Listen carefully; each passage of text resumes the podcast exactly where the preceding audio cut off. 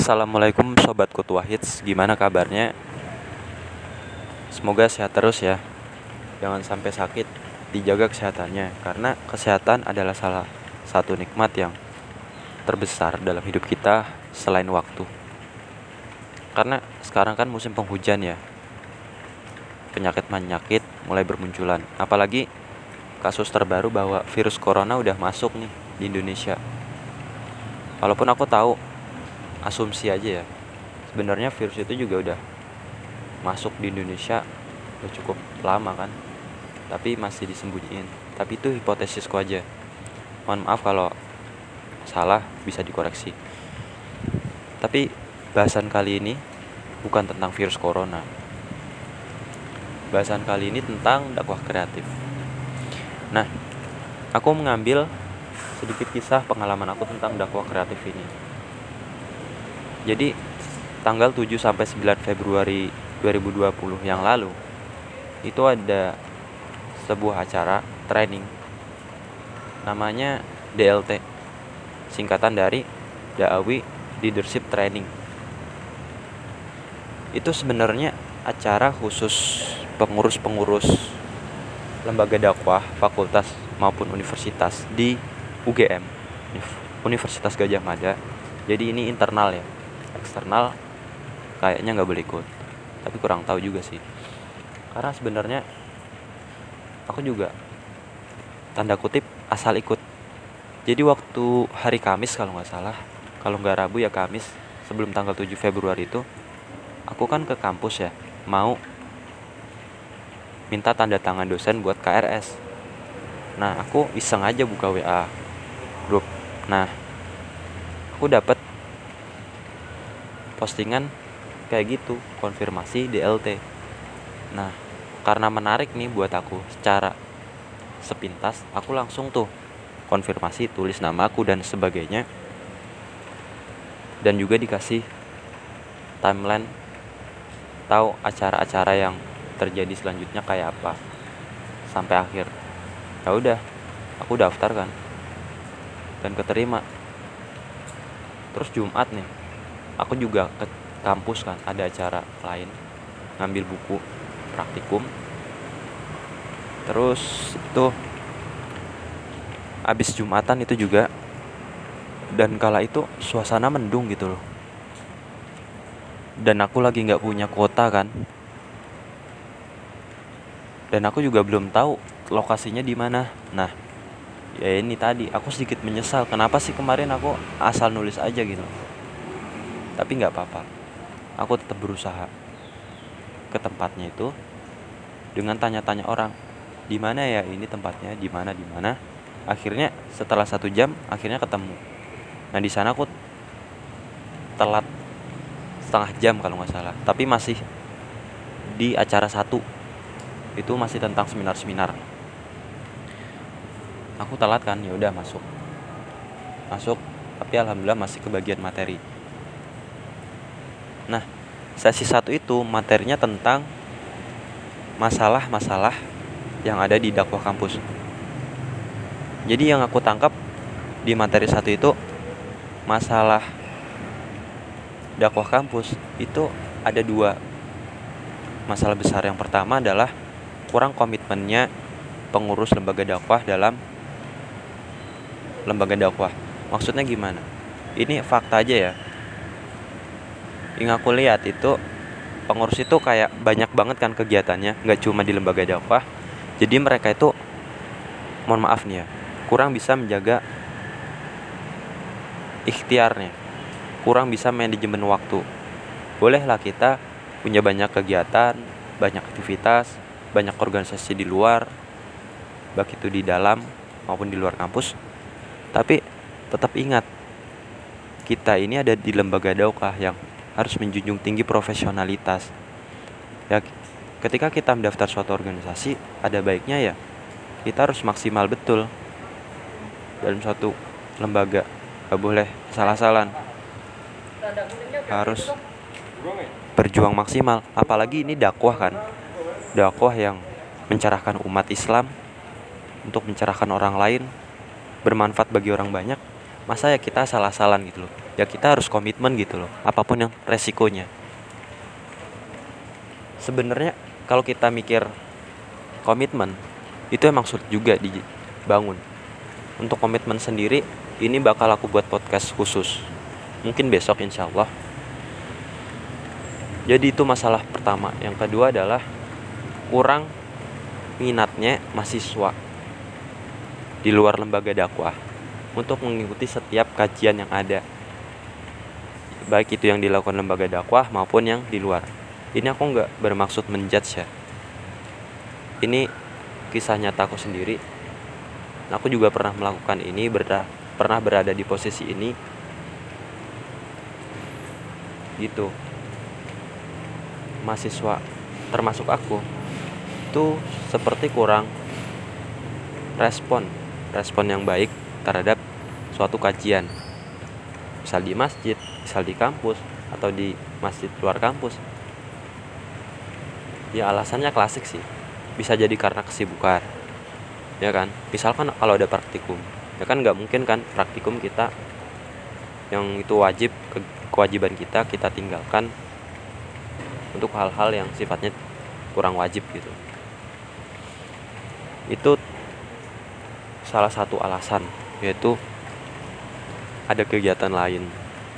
Tapi yang lebih miris adalah ketika kita punya pemikiran punya prinsip bahwa kajian itu nggak penting. Untuk apa sih kajian? Toh itu cuma teori-teori belaka. Toh kita hidup di dunia nyata realitas. Kita perlu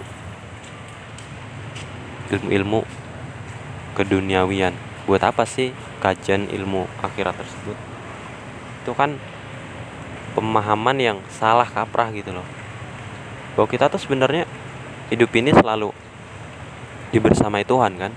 Masa kita lupa sama Tuhan? Padahal kajian kan salah satu cara untuk ingat Tuhan. Nah itu sih masalah besarnya. Ada dua yang gue tangkap. Nah lanjut nih. Sekitar sore. Sore itu lanjut materi lagi. Tapi tentang FGD FGD tahu nggak? Forum group discussion. Jadi kita para peserta nih itu diajak berdiskusi tentang masalah dan solusi-solusi masalah yang ada di lembaga dakwah. Itu tadi nggak terlepas dari dua masalah besar itu. Kemudian sore sekitar jam 5 lebih kami pulang. Maksudnya nginep di SD internasional di Bantul aku lupa namanya. Itu kami istirahat sampai Isya. Habis Isya kami aktivitas lagi yaitu ke dakwah plan. Jadi kita buat plan dakwah kita selama satu periode kepengurusan itu lembaga dakwah mau kita kemanakan mau kita apakan gitu loh. Apakah kita mau sesuai tahun lalu atau kita mau buat yang lebih inovatif lebih kreatif nah itu aku waktu itu nulis cukup banyak sih visi misi. Cuma aku belum berkesempatan untuk mempresentasikannya karena aku sadar diri lah. Aku di sana anggota yang paling muda ya kan? Aku memberikan kesempatan untuk cuttingku yang lebih tua lah. Karena di sini aku juga belum berpengalaman kan? Mereka udah berpengalaman di lembaga dakwah. Jadi aku memberikan mereka kesempatan untuk presentasi. Nah setelah presentasi itu sekitar jam 10 lebih ya itu kami tidur untuk persiapan besok. Nah tanggal 8 Februari jam 3 itu kami sholat malam. Wah itu imamnya bagus banget. Suaranya hafalannya bagus. Terus sholat subuh Habis sholat subuh Kita ada aktivitas lagi yaitu ngaji berjamaah Kalau nggak salah ya Aktivitas intinya baru dimulai ketika jam 7 Kita kembali lagi ke kantor DPD di situ materi lagi. Dari pagi sampai sore. Jadi materi pertama itu seingat aku ya bukan lagi bahas masalah gitu tapi lebih ke solusi-solusinya. Kalau kemarin di hari pertama kan masih masalah ya. Solusinya masih dikit. Nah sekarang kita bahas solusi. Apa aja sih solusi yang bisa di terapkan gitu? Materi pertama itu tentang solusi. Pertama ya membuat proker yang lebih dinamis gitu loh. Nggak kaku lebih fleksibel tapi nggak dipermainkan gitu serius tapi santai gitu misalkan kajiannya temanya dibuat lebih muda lebih remaja ke remaja karena pengalaman ya. Dulu SMA aku rutin banget setiap Sabtu Kliwon ada kajian. Nah itu temanya tentang remaja gitu kayak tentang galau tentang pacar. Nah itu banyak banget tuh yang datang. Ya semuanya remaja anak-anak sekolah. Bahkan ada yang dari luar Jogja gitu. Nah ini membuktikan bahwa tema yang kita ubah bisa bermanfaat untuk lembaga kita gitu. Itu salah satu solusi. Kemudian FGD lagi tentang solusi. Ya tapi ini FGD-nya lebih panjang ya.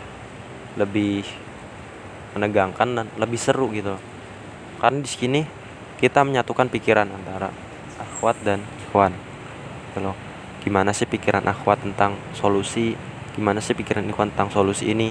Ternyata nggak jauh beda walaupun kita berbeda jenis kelamin tapi kita sama gitu loh solusinya yaitu tadi gimana cara membuat konten dakwah yang lebih kreatif, diolah yang lebih maksimal dan kreatif.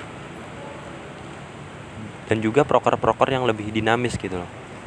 Kemudian sorenya, nah ini bagian yang paling menarik buat aku. Dakwah di luar kampus. Jadi pembawanya itu asik banget. Oh ya maaf ya, aku nggak nyebutin nama ustadz dari awal siapa-siapa karena aku lupa siapa nama ustadznya gitu. Nah ini kocak banget beliau. Lucu gitu. Beliau menjelaskan pengalamannya selama dakwah terus cara mempengaruhi orang yang tan dalam tanda kutip sulit ya buat diajak untuk didakwahi. Tapi dengan metode tertentu metode yang asik. Caranya gimana? Caranya dengan menyatukan frekuensi pikiran kita dengan orang lain tersebut. Dengan halus. Misalkan ya kita ajak makan atau kita kasih perumpamaan-perumpamaan atau dengan kata-kata yang lembut gitu loh. Tapi nyelekit. Nah ketika ini konsisten kita lakukan insya Allah ini jalan kita akan dimudahkan gitu loh oh ya sebelum materi ini yang kocak ini itu kita ada materi lagi sebenarnya yaitu tentang bagaimana sih cara membuat dakwah yang kreatif. Jadi kita diajak brainstorming apa aja apa aja, cuma belum selesai sih brainstormingnya. Jadi materi di sini kurang maksimal. Nah terus sorenya balik lagi seperti biasa kita istirahat terus kali ini nggak ada aktivitas sih habis sisa. Jadi kita bisa langsung tidur. Terus minggunya tanggal 9 hari terakhir kita main-main sih. Lebih ke outbound. Outboundnya permainan gitu. Yang aku ingat ada tiga permainan. Yang pertama itu tentang Quran baca pidato nulis. Nah aku kedapatan yang nulis kreatif. Aku saat itu nulis tentang podcast Teh Jasmine. Tahu nggak nah itu podcast favorit aku. Mereka itu sepertinya udah lama ya buat podcast itu. Kontennya tuh menarik banget. Tentang remaja tentang pernikahan tentang kehidupan sekolah pokoknya kehidupan kehidupan kampus gitu loh dibahas dan itu mengena banget. Nah, itu aku bahas sedetail mungkin seperti apa seperti apa ya kan? Alhamdulillah selesai. Nah banyak sih kesan pesan yang bisa aku dapat dari sana sebagai anggota yang termuda aku merasa sangat bermanfaat dengan adanya DLT ini. Karena aku bisa memahami oh lembaga dakwah di fakultas lain seperti ini orang-orangnya seperti ini aku bisa lebih memahami gitu. Apalagi kita juga harus bekerja sama kan dengan banyak orang lintas angkatan ya kan? Harus itu. Jadi sesuai judul dakwah kreatif menurut aku sendiri ya dakwah kreatif itu adalah dakwah yang diolah dengan cara yang kreatif. Contohnya seperti tadi tema yang dibuat lebih sesuai dengan topik apa yang dibutuhkan saat ini. Misalkan remaja sekarang lagi banyak tugas terus bagaimana supaya tetap sehat di banyaknya isu tentang kesehatan gitu. Kemudian bagaimana tips ngatur waktu karena sekarang juga banyak organisasi gitu itu berat. Untuk dakwah kreatif itu berat. Selain itu dakwah kreatif itu ketika kita berhasil mendakwah seseorang itu dengan cara yang lembut cara yang elegan tanpa harus kasar. Seperti itu. Mungkin sekian aja ya podcast aku kali ini. Ada salah kata mungkin bisa dimaafkan. Kita kembali lagi besok insya Allah. Semoga podcast ini bermanfaat. Wassalamualaikum warahmatullahi wabarakatuh